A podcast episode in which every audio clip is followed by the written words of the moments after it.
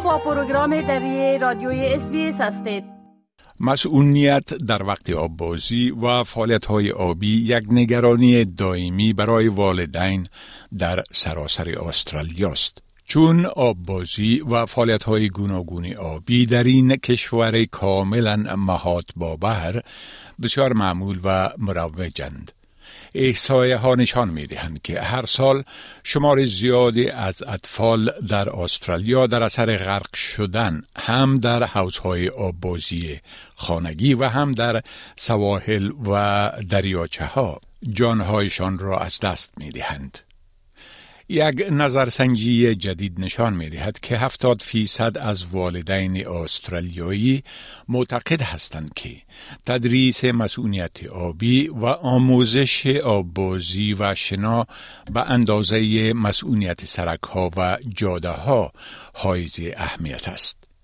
طبق این نظرسنجی 28 فیصد والدین به این عقیده هستند که این کار حتی از جد و جهد در ارتباط به امنیت سرک ها هم مهمتر است.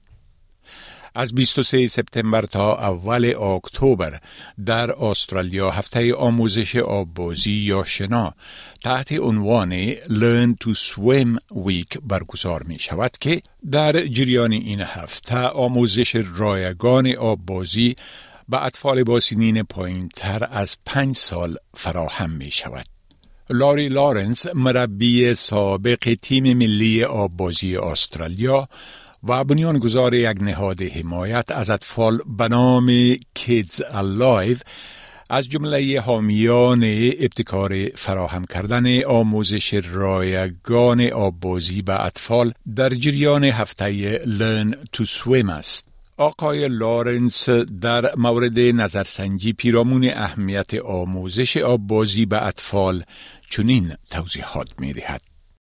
We surveyed a number of parents and it says that 70% of Australian parents believe that water safety education and swimming lessons are just as important as road safety. In fact, 28% believe it to be even more significant. آقای لارنس تایید می کند که آموزش آببازی به اطفال زندگی آنها را نجات می دهد.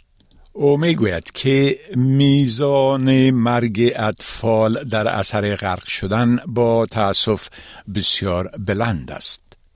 Children need water safety education because it saves lives. It's that simple.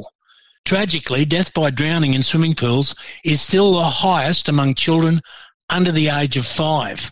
And 2.7 million Australians are living in a house with a swimming pool. That spells danger.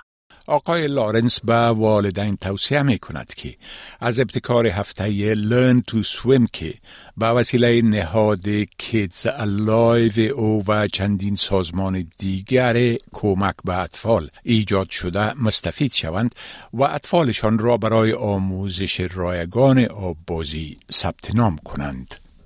Swimming pool drownings can be prevented by parents taking advantage of that partnership between Kids Alive and Poolworks with the free swimming lessons in Learn to Swim Week. It's from the 23rd of September to Sunday the 1st of October. او میگوید که اطفال باید هر چی زودتر آبازی را بیاموزند. My advice is start swimming lessons ASAP because swimming lessons save lives and if you've got a child under the age of five, your children are at risk. And with Learn to Swim Week coming up, this is the perfect opportunity for you to go and get some free swimming lessons. آقای لارنس میگوید که والدینی که می‌خواهند نزدیکترین محل آموزش رایگان آببازی در هفته Learn to Swim را به خاطر ثبت نام پیدا کنند می توانند به آدرس www.learntoswimweek.com.au مراجعه کنند.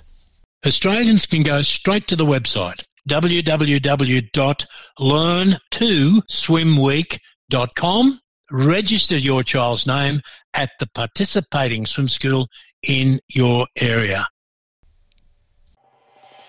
می خواهید این گناه گزارش ها را بیشتر بشنوید؟ با این گزارشات از طریق اپل پادکاست، گوگل پادکاست، سپاتیفای و یا هر جایی که پادکاستتان را می گیرید گوش دهید.